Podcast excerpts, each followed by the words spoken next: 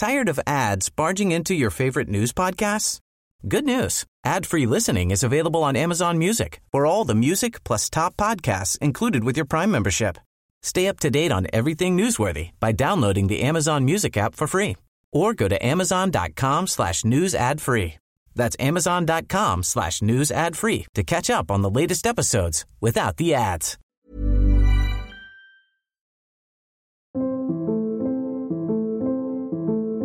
Bollefest og full barnehagedekning i hele landet er målet. Her har de klart det. Og så sa vi at hvis det fortsatt er barn som, ikke, som der man har søkt etter reglene, men som da ikke har fått plass 1.1.2007, så kan dere ta med ungene hjem til oss, og så skal vi, så skal vi passe dem.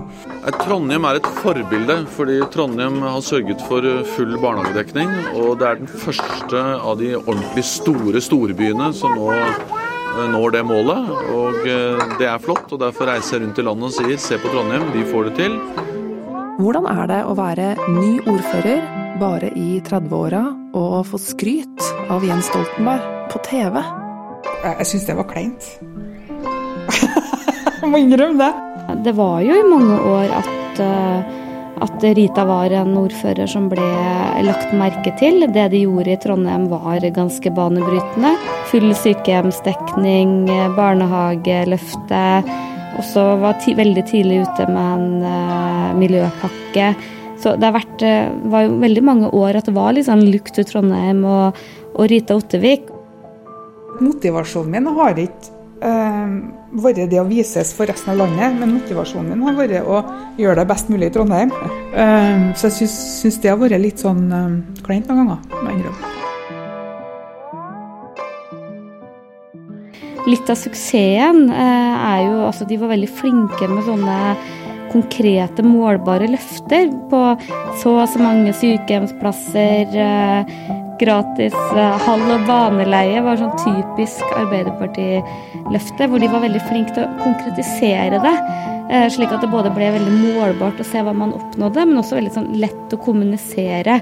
Og det er nok en sånn strategi som ikke bare Rita Ottervik, men sånn som Rune Olse og Trond Giske var veldig dyktige på for å, for å sette Trondheim på kartet. Byens ordfører også de neste fire årene.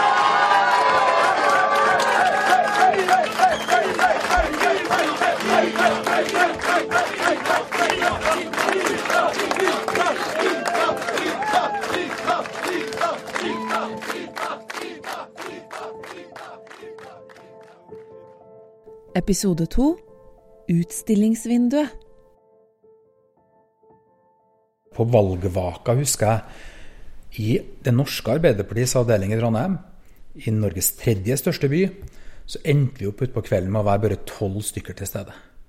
Så partiet var slitent, det var nedkjørt, og vi trengte å gjøre grep og bygge Arbeiderpartiet i Trondheim om igjen til et litt sånn energisk folkeparti, da. Den du hører her, er Rune Olsø, strateg og organisasjonsbygger i Trondheim Arbeiderpartiet. Senere skulle han slå seg opp som forretningsmann, men beholde bånda til politikken, og det endte i noe som mange vil kalle en skandale. Men vi tar det seinere. På 90-tallet var Rune en ung mann som gikk i dress og med dokumentmappe, og det i et miljø der folk gjerne gikk i korfløyelsbukser og rocke-T-skjorte med langt, bustete hår. Han skilte seg altså litt ut på den måten. I 1995 var det tolv stykker på valgvake på Folkets hus. Det sto dårlig til for Arbeiderpartiet i byen vår. Marvin Wiseth var populær Høyre-ordfører, og Arbeiderpartiet var langt nede på 20-tallet i oppslutning. Det elendige oppmøtet på valgvaka gjorde noe med de unge AUF-erne som var der, sier Rune Olse. Så det var, det var denne Trondheimsgjengen av oss eh, som, som uh, var til stede på den, uh, på den valgvaka. Og fikk det her greia at liksom, Åpenbaringa vil jeg si at ok, vi har fått 24 oppslutning. To valg på rad. Det er ikke bra nok for Arbeiderpartiet. Sånn skal det ikke være. Kanskje var det det dårlige oppmøtet som kicka i gang det som må sies å være litt av en organisasjonsbygging. Et politisk prosjekt og en gjeng med folk som ville ha makt, vokste fram i disse åra. Jeg tror aldri jeg drukket så mye kaffe som jeg gjorde i perioden 1995 til 2003. Altså de åtte årene fra vi begynte den snuoperasjonen i Trondheim til vi eh, vant valget og fikk, eh, fikk, flertall i 2003. Um, ut i lokallag, ut og snakke med medlemmene, ut og snakke om hvorfor er vi der vi er, og få en felles forståelse av hva er det folk trenger av oss, hva er det folk ønsker av oss. Og det kan du ikke gjøre ved å bare gå på en talestol og holde en tale. Det må du gjøre med faktisk å være ute og snakke med medlemmene. Og vi hadde eh, den gangen 26 lokallag i Trondheim. Eh, og vi trengte å være ute i alle lokallagene og snakke mye. Og så førte det gradvis til en endring av, eh, av eh, delvis endring av politikken vår, men ikke minst av hvordan vi fremsto, og hvordan vi laga ny politikk. Hvordan vi lytta til folk. Det er ikke velgerne det er noe galt med. Du må se deg sjøl i speilet. Eh, og det måtte Trondheim Arbeiderparti gjøre, og bestemme seg for å endre seg sjøl. Og det gjorde vi. Og det var en stor jobb. Etter noen år med kaffedrikking kom hun hjem til Trondheim. Rita skulle hjem til Trondheim etter noen år ved statsminister Jaglands kontor, en mann som også var opptatt av å gå på husbesøk, dele ut roser, ta folk i hånda. Og Rita tok med seg dette hjem til Trøndelag. Hun forlot rikspolitikken for å komme hjem og være med å få til ting.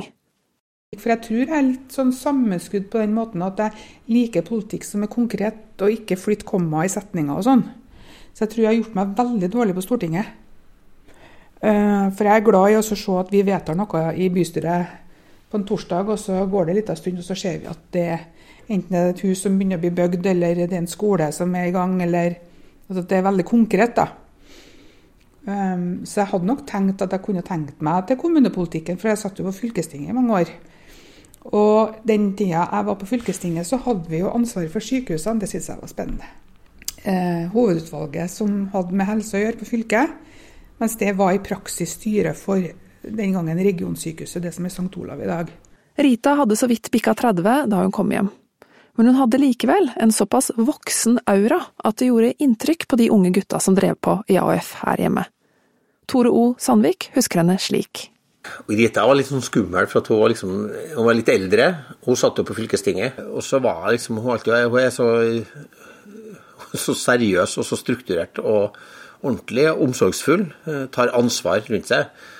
Eh, for oss eh, litt mer sånne ville smågutter som holdt på var veldig sosiale og sånne ting, så var det liksom skummelt, for at hun krevde at vi oppførte oss ordentlig. og passa på oss, sånn som hun har passa på byen. Og hadde omsorg for den etterpå. Så hun var egentlig veldig gjenkjennelig, da. Førsteinntrykket mitt av Rita var at hun var en sånn stødig, rolig type. Uh, kanskje ikke den mest frampå. Uh, mens f.eks. Trond Giske eller Tore Sandvik uh, var, jo, var jo veldig mye mer sånn først opp på talerstolen, kan du si. Uh, så det var førsteinntrykket mitt derfra. Men, men eh, det var jo en fantastisk altså det, De var jo fantastisk flinke. Og det er klart, jeg er jo en generasjon yngre enn dem på mange måter. Så selv om jeg fikk være med i deres politiske generasjon, så er jeg jo yngre. Og så jo veldig opp til mange av dem i en periode. Før jeg liksom fant mine egne bein å stå på. I forrige episode så snakka vi mye om et myteomspunnet nachspiel, der det angivelig satt en gjeng unge mennesker og bestemte seg for å ta makta. Rita skulle ta byen, Tore skulle ta fylket, Trond skulle bli statsminister, og Rune, i tillegg til paret Geir Våge og Hanne Mo Bjørnbøtt, skulle ha kontroll på partiet her hjemme. Den myten tok vi jo hull på. Et slikt nachspiel har iallfall ikke jeg klart å finne ut av. Men på slutten av 90-tallet stemmer det jo at alle disse menneskene var aktivt opptatt med hvordan de skulle ta makta i Trondheim. I 1998 gikk en 24 år gammel Rune Olse ut i Adresseavisa og kalte seg for en del av det nye Trondheim Arbeiderparti.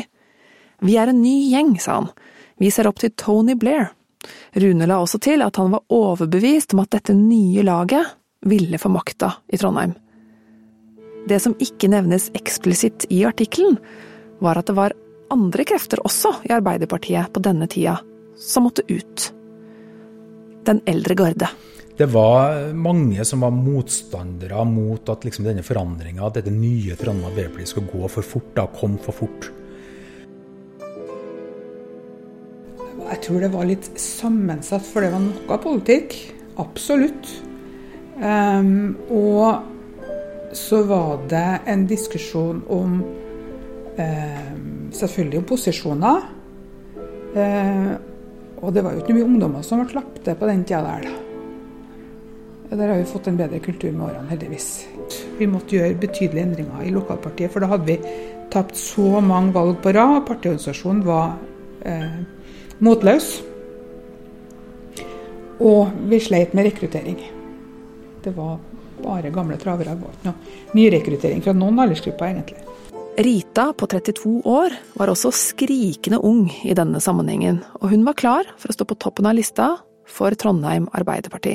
Det nye Trondheim Arbeiderparti hadde jobba i kulissene for å sikre seg flertall mot den eldre garde, og den maktovertagelsen innad i eget parti skjedde i skjebneåret 1999, på årsmøtet. Møtet var i Folkets hus i Trondheim, i den gamle storsalen som ikke er der lenger nå. Nå er det kinosaler der. Men det var den gamle storsalen i Folkets hus. Eh, og når vi kom inn i den salen, så var det jo første kveld, det var program. Det var først programmet.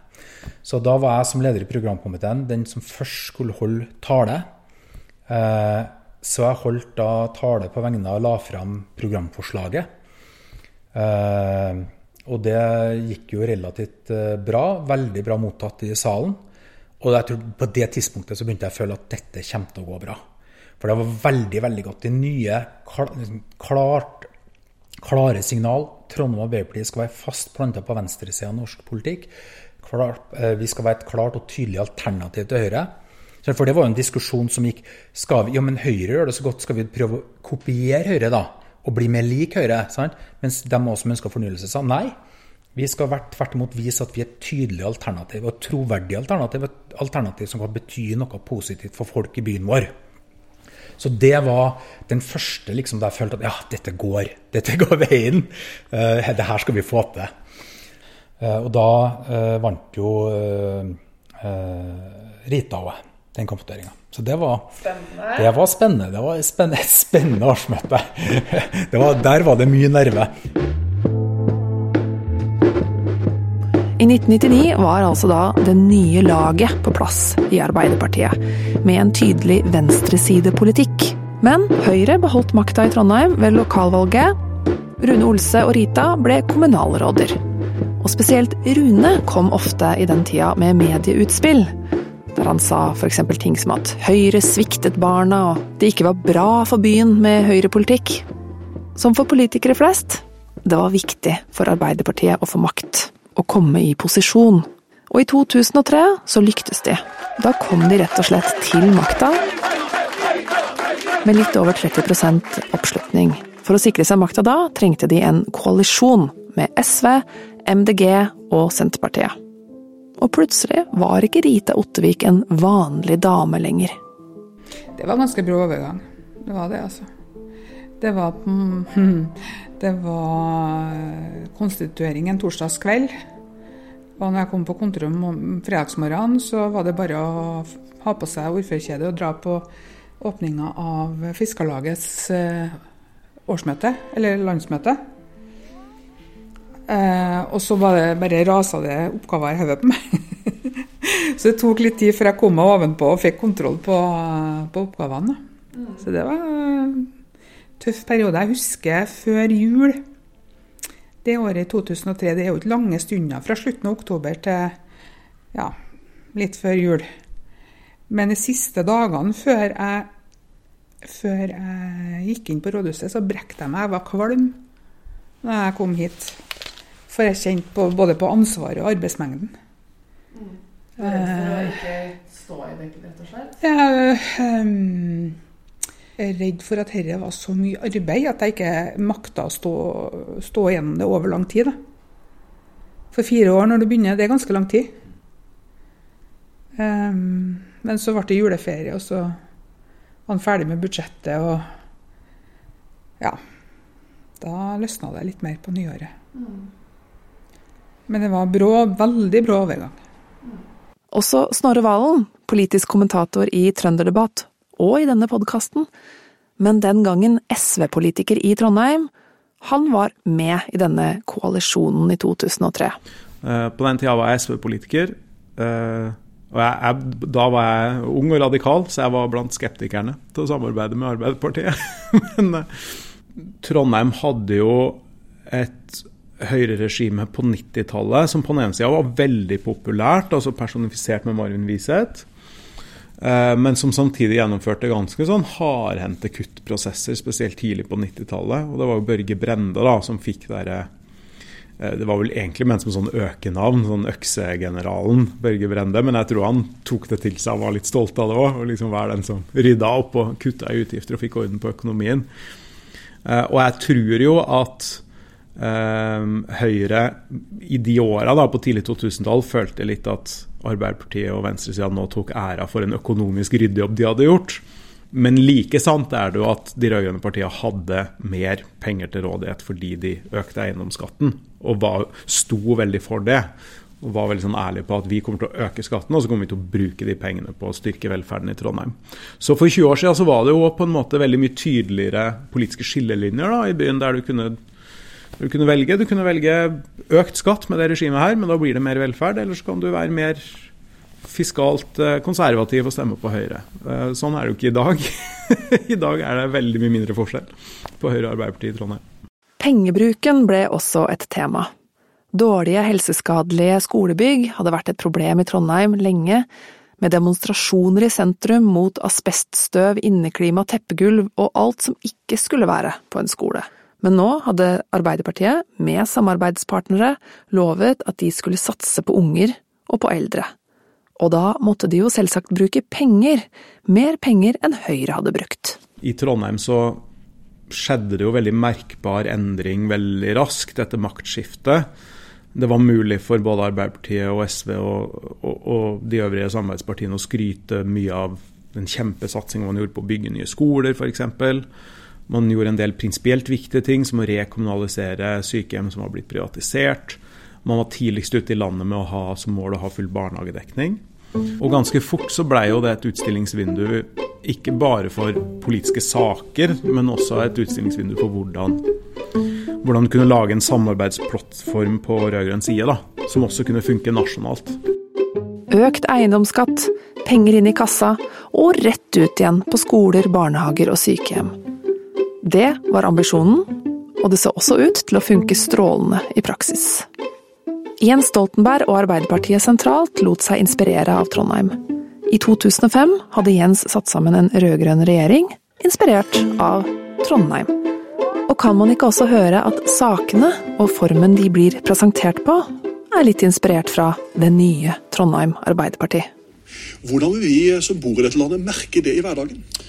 Vi merker det ved at vi kommer til å bruke pengene på det vi mener er de viktigste oppgavene.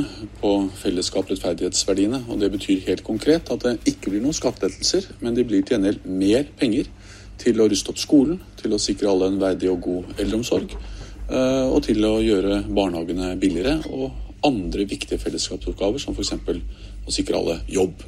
Rune Olse antyder at det kanskje ble utveksla noen råd i favør Jens på den tiden. Vi hadde veldig godt samarbeid, og jeg jobba jo i, i, Fikk jo lov til å bidra også i valgkamper og andre ting. Eh, stortingsvalgkamper og, og, og, for den partiet nasjonalt, så det var, det var en veldig, veldig artig tid. Spurte Jens deg om råd før han skulle etablere dette? Jeg har, jeg har vært med på møter der Jens har spurt meg om råd, men, men vi diskuterer ikke liksom den type eh, utstillingsvinduet for rød-grønn politikk. Den metaforen var nå etablert. Det som er litt dumt med å få et vindu som metafor, er at et vindu fort kan bli skittent. Det kan også knuse. Men alt det der kommer seinere. I den første perioden ved makta så gjorde Rune og Rita og co. et veldig smart grep. De valgte seg én kampsak som de lovet velgerne at de skulle ha løst i løpet av fire år. Og da hadde vi møte med media, og så sa vi at den viktigste, største saken vi skal levere på, det er full barnehagedekning. Da sto også 2500 barn i kø i Trondheim. Og vi lovte at vi skulle gjøre det innen 1.1.2007. Og så sa vi at hvis det fortsatt er barn som ikke, som der man har søkt etter reglene, men som da ikke har fått plass 1.1.2007, så kan dere ta med ungene hjem til oss, og så skal vi, så skal vi passe dem. Klart, da, da har du lagt hodet på blokka. Eh, jeg var veldig tett på i den perioden da vi drev og bygde ut barnehager. Og det var en ganske heftig oppgave, for da var det, altså, det var et helt enormt antall barnehager. Vi bygde altså mange titalls. Eh, og det trøkket som var liksom, for å få til det, vi skulle få til full barnehagedekning. Eh, våren før vi tok over, så var det 1300 familier som fikk brev om avslag på, på barnehageplass. Og det var på det nivået at uh, folk i kommunen drev og, og, gikk fysisk mellom husene og etatene med, liksom, med post. Fordi at vi hadde ikke tida til at det skulle sendes i det internpostsystemet. Konkret politikk, det å få til full barnehagedekning da, i 2007, det mener jeg er en av de større bragdene. Altså, for at det var når vi lovte i 2003, så tror jeg vi var klar over hvor mye som måtte gjøres for å få det til. Det ble jo klippet mye snore og åpna mye barnehager. Det var noe stort sett Rita som, eh, som sto for det.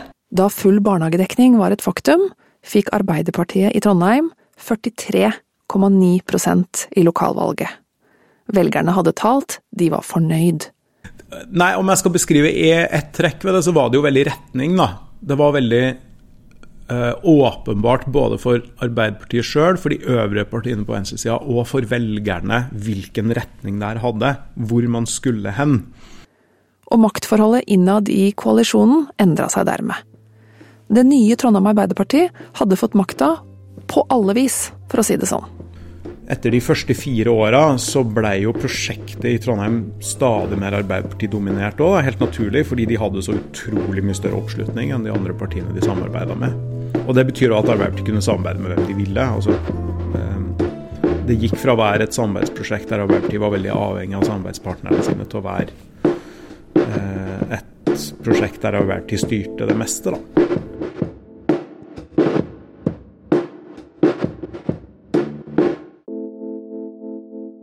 Jeg opplever vel ikke at det alltid har vært en samkjørt gjeng, for det har jo alltid vært noen kritikere og, og ikke minst mange som har følt at de aldri har hatt noen reell mulighet til å nå toppen i Trondheim Arbeiderparti. Indre motsetninger, ulike maktsirkler. Det er det ofte i politiske partier. Folk som har vært venner med hverandre siden ungdomspartiene, folk som omgås privat, folk som støtter hverandres retninger. Sånn var det jo også i nye Trondheim Arbeiderparti. Det var ulike sirkler av makt her. Og det var spesielt én sirkel som var viktig. Hey, I'm Ryan Reynolds. Recently, I asked Mint Mobile's legal team if big wireless companies are allowed to raise prices due to inflation. They said yes. And then when I asked if raising prices technically violates those onerous two-year contracts, they said, "What the f*** are you talking about? You insane Hollywood ass."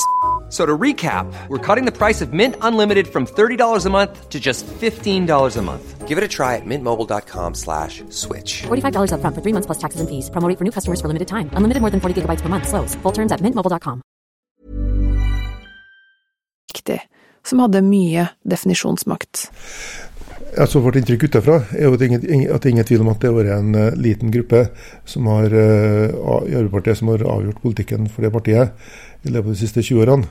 Uh, det er vårt klare inntrykk. Erling Moe er venstrepolitiker. I dag sitter han på rådhuset som kommunalråd, men også på tidlig 2000-tall var han en del av den politiske scenen i Trondheim. Og han observerte Arbeiderpartiet utenfra. Det han mener at han så, var at det fantes en liten og ekstremt toneangivende gjeng i partiet på den tida her, og at Rita, ordføreren, ikke var en naturlig del av den gjengen. Og så har Rita da eh, etter hvert blitt mye mer eh, selvstendig sant, i, i, i, maktutøvelsen sin. Så, eh, mens hun nok kom til makta via den kretsen som da utmanøvrerte den gamle garde, så har jo da, gjennom at hun holdt til makta sjøl såpass lenge, så, så, så, har hun skaffa seg sin, sin, egen autoritet, ikke sant. Det fantes altså ulike grupper innad i partiet. Det var Rita og Rune sammen, utad, men innad var de i to forskjellige gjenger. To forskjellige maktsirkler, om du vil. Og de var ikke alltid enige om hvordan ting skulle gjøres. Men det var én ting som sies å binde alle disse folka sammen.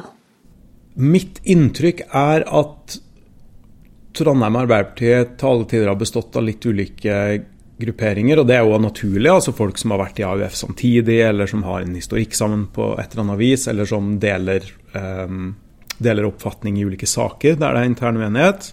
Men at alle de her har vært overordna sett lojale til et prosjekt som dreier seg både om å løfte Trondheim Arbeiderparti som utstillingsvindu, og løfte Trond Giske.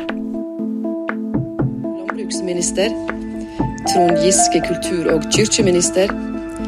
Helga Pedersen, fiskeri- og Trond Giske blir den nye næringsministeren. Anne Grete Trond Giske var et bindeledd, kan det se ut som. En alle var enige om innad i partiet. I alle fall hvis de blir spurt av pressen. Men så var han jo også deres mann i regjering i mange, mange år. Trond Giske gjorde utvilsomt mye for Trøndelag, både som kulturminister og næringsminister. Stian møtte kulturministeren Trond mange ganger. Den gangen var han en superpopulær minister som fikk gjennomslag for mye. Veldig skjerpa og skjerpa og ikke noe sånn fjasete. Jeg vet ikke om jeg hadde forventa det, men uh, han, han, kan jo ha en veldig sånn jovial og småfjasete framtoning når man møter en privat, da. Eller på en uh, mottakelse eller sånn. Uh, han har jo ekstreme sosiale skills. Men sånn som jeg oppfatta han da, så var han en skjerpa statsråd som var på jobb. Han var fokusert, rett og slett. Ja. Både som reporter og, og sjef på kultur så var Rockheim en av hovedsakene våre gjennom mange år. Det var en politisk prosess med mye dragkamp og ja, en prosess som jeg var, var engasjert og interessert i sjøl. Så det var egentlig ganske sånne um, rene, ganske politiske saker i kultur, da. For det var en del beskyldninger fram og tilbake da om, om hestehandler og skulle komme i Namsos eller i Trondheim eller i Oslo. og Trond kjempa jo knallhardt for at det skulle komme til Trondheim, og vant gjennom. En lettet museumsdirektør og en fornøyd kulturminister. Etterlengtet åpning av det som nå er Norges nasjonale museum for pop og rock. Og det skal sies, han var jo ikke bare kulturminister, han var jo partyminister også. Han la ikke bare til rette for kulturlivet, han deltok aktivt i det. Sommeren 2007 var Trond Giske på HV-festivalen og hjalp relativt lave Mira Craig med å få et glimt av The Killers ved å løfte henne opp på skuldrene. Jeg husker jeg fikk en telefon fra en Oslo-journalist som lurte på hvordan ser dere på Trond i Trondheim. Jeg tenkte, fikk jo ikke noe klarhet i hva de holdt på med, men jeg hadde ikke noe særlig å fortelle, egentlig. Jeg skjønte hvilken retning det gikk, da, for det var litt det dette partyministersporet. Det ble hvisket og tisket den gangen om at Trond Giske oppførte seg litt sånn uortodoks. Kunne en minister oppføre seg sånn, da? Være last man standing på et nachspiel? Det var også en nysgjerrighet rundt hans flørtende tone med kvinner, åpen til pressen. Dagbladet fulgte Giske på turné i Nord-Norge i 2008, og gjorde nettopp klemmingen av både journalisten og andre til en slags rød tråd i intervjuet. Men noen historier utover det, noen som sto fram og klagde, det fantes ikke. Giske var partyprins, han var superminister, og han var alle trønderske politikeres bestevenn, virka det som. Men en ting som jeg har tenkt på med deg og Trond, da, for dere har jo vært nære kolleger, i hvert fall, eller er venner òg. Mm. Han er jo partyprinsen, og du har jo alltid sagt at du har gått hjem klokka halv ni. Hvordan var det dere fant Ståleuke? Ja, det lurer jeg jo på, for jeg husker fra vi var aktive i AUF. Så var Gunn Karin jula. Vi var knoll og tott, vet du. Og Trond var så sint på oss noen ganger at han måtte gå ut og gå rundt Folkets hus noen ganger og lufte seg før han kom inn igjen. Nei, det vi var ganske, vi var ganske sånn feministisk anlagt. Sånn at sånn, kursplaner som ikke hadde 50-50 kjønnsfordeling på innledere, f.eks., det var ikke godt tatt. Så vi var ganske harde med hva vi ville med en del ting. Så hadde han den egenskapen at når han har gått noen runder, da, så var han enig, heldigvis. Så vi er ganske forskjellige, ja. Ja, det er vi. Mm. Så dere møttes på dagtid, da, går jeg ut fra, stort sett? Ja, men uh, du vet at mesteparten av organisasjonsarbeid foregår jo før klokka ti om kvelden. Ja. Da er jo jeg våken, da. Ja.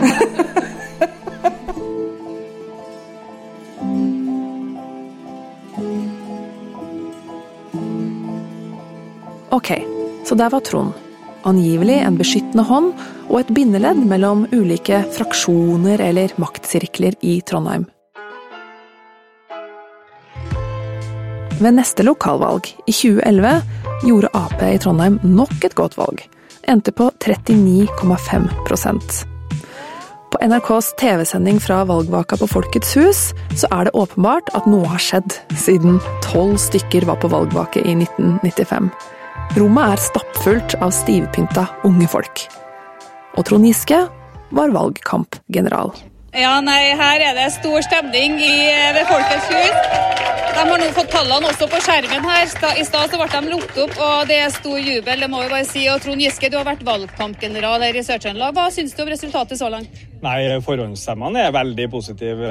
41,5 er et resultat vi virkelig kan være stolte av. Men det er mye stemmer som skal telles opp. Eh, men vi føler at vi har nådd ut med budskapet vårt om at eldreomsorg og skole er viktigere enn skattekutt. Det er slående hvor mange unge mennesker som har kommet til i Trondheim Arbeiderparti. Bak Giske på TV-sendinga kan vi skimte en stor gjeng med unge, pynta mennesker med halvlitere i hendene og store smil. Gubbestemningen fra 90-tallet var definitivt parkert. Arbeiderpartiets suksess hadde verva mange nye unge medlemmer. Vi har gjort et ekstremt godt valgresultat i 2007, da Rita fikk 43,9% Men eh, bortsett fra det, så må du faktisk tilbake til 60-tallet for å se 40-tallet på Arbeiderpartiresultatet i Trondheim. Så det blir et eh, godt resultat, eh, men vi skal telle opp resten av stemmene først. Rita, som nå gjøv løs på sin tredje periode som ordfører, begynte å få et solid fundament for makta si. Hvor mye makt vil du egentlig si at du hadde på høyden når Arbeiderpartiet var på 40 pluss prosent? Da hadde vi veldig stor makt. Klart det, for da hadde vi mye folk i formannskap, mye, mye, folk i bystyret, i komiteer, som i større grad satt, satt dagsorden for å få gjennomført Arbeiderpartipolitikk. Så velgernes stemme betyr noe. Etter mange år i posisjon, og etter at hennes AUF-venner både i Oslo og Trondheim nå hadde blitt voksne og etter hvert både ministre, ledere for offentlige foretak, satt i fremtredende posisjoner både her og der, så ble det jo lettere for Rita òg å trekke i tråder. Noe som er viktig for alle som vil ha noe igjennom, understreker hun. Det som er veldig kjekt med å kjenne mange med makt, det er at du får gjennomført ting på vegne av Trondheim. Mm. For hadde ikke jeg hatt um, de kunnskapene og kjennskapene jeg har hatt, så har vi hatt, kanskje ikke hatt Investinor i Trondheim. Vi har kanskje ikke vært, uh, hatt kirkelig tyngdepunkt og preses i Trondheim. Um, tror kanskje vi har slettet med Ocean Space. altså, vi har jo brukt eh, den kunnskapen og de kjennskapen vi har til folk med makt, på vegne av byen. Og det tenker jeg er en stor fordel. da. For at det ikke, og, og, det har ikke bare vært overfor Arbeiderpartifolk. Um, jeg husker han Meyer, eh, han eh, som var moderniseringsminister fra Høyre. Den dagen han gikk av, så ringte han meg på morgenen før jeg hadde vunnet stått opp omtrent. Og så sa han til meg at nå har jeg skrevet under brevet på at dere får eh, tomta til sykepleierskolen for å bygge Øya helsehus. Det hadde jeg jo ikke fått hvis ikke jeg jobba mye med via å være pågående og hatt muligheten til å komme inn mm. til folk. Tore O. Sandvik, fylkesordføreren alle disse 20 åra, han er kjent for sin filosofiske tone og for sitt analytiske nivå. For å lese Der Spiegel, ikke på tysk, men på engelsk riktignok, og når han spørres ut om hva som var suksessen, hva disse 20 åra med Rita og Arbeiderpartiet har betydd for oss i Trondheim, så er det stabiliteten han trekker fram. Og denne roa, mener Tore, er ikke Arbeiderpartiets fortjeneste alene, selv om han ikke nøler med å si at Rita har vært en fantastisk ordfører. Historia om de 20 årene her er jo ikke historia om eh, bare Arbeiderpartiet, men det er også historia om Trondheim og Trøndelag. Og den utviklinga som vi har gått gjennom her, jeg tror kanskje det som jeg har vært flink til, er å prøve å holde dette samla. Vi sa i sin tid at vi skulle, være, skulle fokusere på all kreativiteten i Trøndelag. Ikke fordi at vi skulle bli kreative, men vi skulle være flinkere til å løfte fram alle dem som fant på noe nytt og skapt kultur opplevelser. og nye bedrifter, og gjennombrudd på forskning og ny teknologi. Og, eh, at vi har klart å koble sammen alt dette her med de forsknings- og kunnskapsmiljøene våre, så laga Trøndelag til å være en utrolig matregion. Som har vært et samspill som ikke det har ikke vært Arbeiderpartiet som på tjeneste, men kanskje vi har bidratt gjennom stabil politisk styring og bred oppslutning og kunne forankre sånne langsiktige strategier. Som gjør at vi nå er liksom Europas gastronomiregion i 2022, og vi skal arrangere Bocuse d'Or her. Og Vi skal ikke gjøre det for fiffen, vi skal gjøre det fordi at rundt omkring i Trøndelag så finnes det fantastiske folk som på egen hånd produserer utrolig bra mat. Det finnes industriarbeidere i matindustrien som, som lager trygg og god mat som vi kjøper hver, på hver dag. Og så det, har vi klart å samle oss om det. da. Så jeg tenker den, Hvis det skal handle om noe, så tror jeg det skal handle om at vi at gjennom at vi lyktes da, å skape tillit til å få så bred oppslutning som vi fikk i valg, så ga det grunnlag og arbeidsro da, for Trøndelag. Den er tverrpolitisk. Eh, her har alle partier over hele spekteret bidratt med, med, innspill til å ha gjort den politikken bedre. Jeg har en kompis som har skrevet en bok om de store folkepartiene, de moderate folkepartienes fall i Europa. Men jeg tror jeg har mye rett i det i oppsummeringa. Sånn hvor stabiliserende de var det var kristelige demokratene i flere land i Europa, så også sosialdemokratene, som ga brede allianser, arbeidsro eh, og god samfunnsutvikling. Eh, mindre, mer fokus på begge sidene på fellesskap. Eh, og mindre på individualisme. Men det går rom for det. Så er kanskje det er liksom historien om at vi klarte å bidra til stabilt og langsiktig styre. Det har gjort at Trøndelag har lyktes for å kunne forfølge noen langsiktige strategier.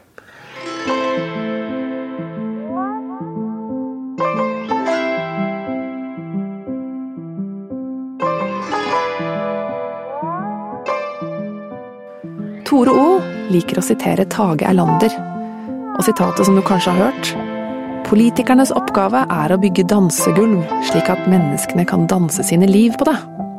Og da ser vi jo for oss et stabilt og trygt gulv. Et gulv du kan ramle på for å reise deg igjen. Og da Rita gikk løs på sin fjerde periode etter å ha sittet i tre runder som ordfører, så var det jo nettopp et trygt gulv hun symboliserte. Her er et klipp fra NRK før valget i 2015. For Arbeiderpartiet er Trondheim en viktig by med en ordfører som har styrt byen i tre perioder, og til høsten står på valg for sin fjerde. Altså, jeg vil jo si at det er noe av det viktigste vi gjør. Å sørge for at Arbeiderpartiet fortsatt sitter med makta i Trondheim. Og det vil du høre på talen min nå, der jeg skryter av mye av det de har fått til. Det er ikke tilfeldig at jeg har ønska å komme akkurat hit. Trondheim, under Rita sin ledelse, er en kommune som stiller opp for innbyggerne sine. Under valgkampen i 2015 så hadde jo Rune Olsø som alltid en finger med i spillet på å lage kampanjen. Og kanskje er du blant dem som husker Lommeboka-kampanjen? Det, det, er da bilde av en lommebok som ligger åpen, og der stikker det noen penger ut. Og så ligger det noen bilder der av ungene dine. Mm. Eh, og så står det rett og slett hva er det viktigste i lommeboka di. Eh, og Da kan man velge da, om det er ungene, å satse på ungene, eller om det er det å få skattekutt og få noen kroner mer. Mm, var det din idé, eller? Du, Det var en idé som vi, som vi stjal fra demokratene i eh, USA. Gammel idé. Og nå er, jo, nå er det jo ingen som bruker lommebok lenger, så 2015 var jo det siste året at man kunne kjøre en sånn kampanje. Men den funka tydeligvis, da, for dere gjorde jo et brakvalg. Ja.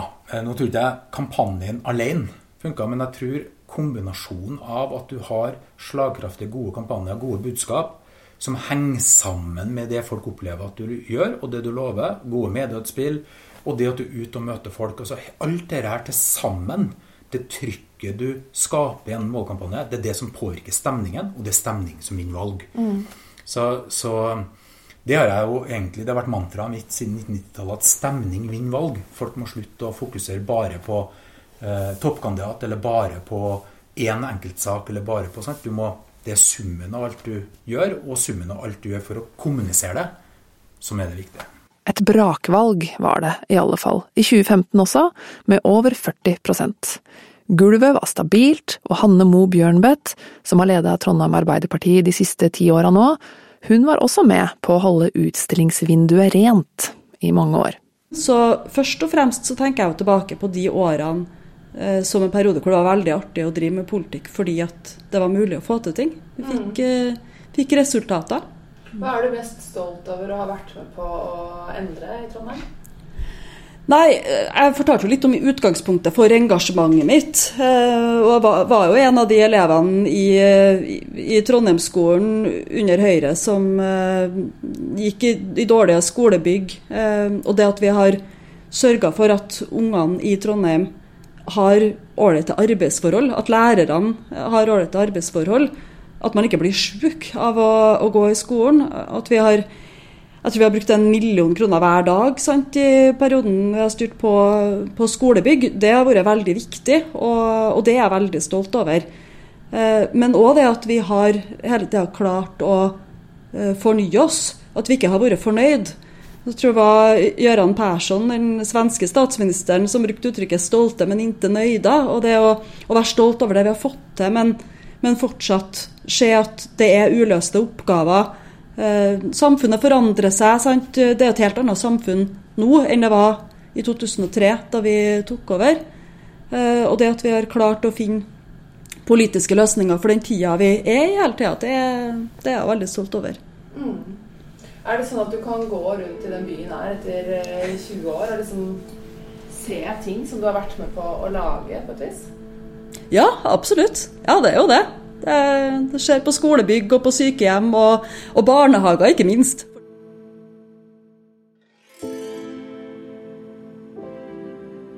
Barnehage, skoler, sykehjem, vellykka kampanjer og et sterkt og trygt dansegulv. Men så skjedde det to dramatiske ting på kort tid, midt i Ritas fjerde periode som ordfører. Kystad-saken og metoo. Hvis man skal lage en liten sånn Hollywood-kurve på dramaturgien her Det var jo liksom suksess, suksess, suksess, suksess, som bare liksom fortsatte inn i himmelen. på en måte, Og så har dere hatt noen år med masse konflikt og splid i partiet. Det er vanskelig å, å benekte, ja. ja. Mennene rundt Rita falt ifra som fluer. Geir Våge, Rune Olse, Trond Giske. Det var mannefall og splid i partiet. Utstillingsvinduet begynte å dugge, bli skittent, det ble kanskje til og med knust. Da det igjen var valg i 2019, så var Rita tvunget til å ta et vanskelig valg selv. Vet du, Da hadde jeg jo egentlig sittet på overtid i forhold til det jeg hadde planlagt. Um, og hadde egentlig tanker om at jeg skulle gjøre andre ting. Uh, men så var det jo to ting. da. Det ene var jo at en del av dem som kunne vært kandidater til å tatt over, var litt ute av soga. Mm. Var det blant annet Rune? Nei, men i hvert fall Geir. Ja. Og, um, og jeg følte et ganske stort ansvar for å prøve å få samla og stabla sammen partiet igjen. Um, så da tenkte jeg ganske hardt, ja. Mm, gjorde det. Um, tenkte på alternativer og snakka med mange det har vært konflikter internt i Trondheim Arbeiderparti over veldig mange år, der Arbeiderpartiet har hatt makt i Trondheim som ikke har vært særlig sånn synlig for offentligheten. Den gangen det kanskje ble mest tydelig, bortsett fra bråket på årsmøtet til Trøndelag Arbeiderparti i 2020, det må vel være uh, før nominasjonen til 2019-valget. For da gikk jo Rita Ottevik ut ganske sånn tydelig og, og stilte krav til hvem hun skulle stå på liste sammen med. I neste episode blir det full splittelse. De som har bygga opp Trondheim Arbeiderparti og utstillingsvinduet sammen, ender opp med isfront i all offentlighet. Episode tre av Rått parti heter Forbaska svineri.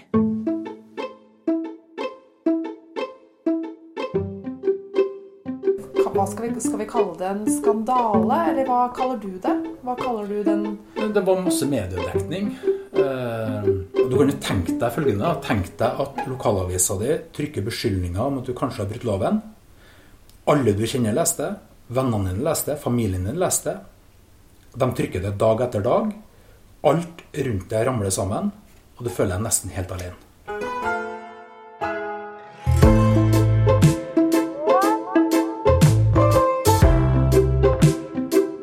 Rått parti er en podkast laget av meg, Anne Dorthe Lunås, etter en idé av Laila Ellingsen.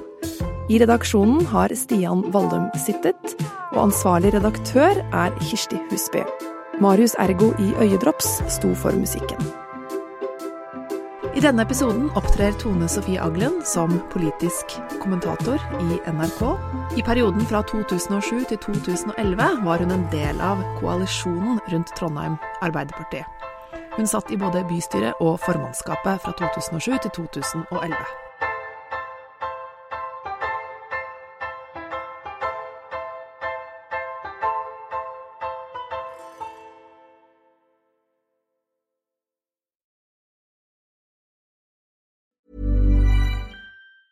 Tired of ads barging into your favorite news podcasts? Good news. Ad-free listening is available on Amazon Music for all the music plus top podcasts included with your Prime membership. Stay up to date on everything newsworthy by downloading the Amazon Music app for free or go to amazon.com slash news ad free. That's amazon.com slash news ad free to catch up on the latest episodes without the ads.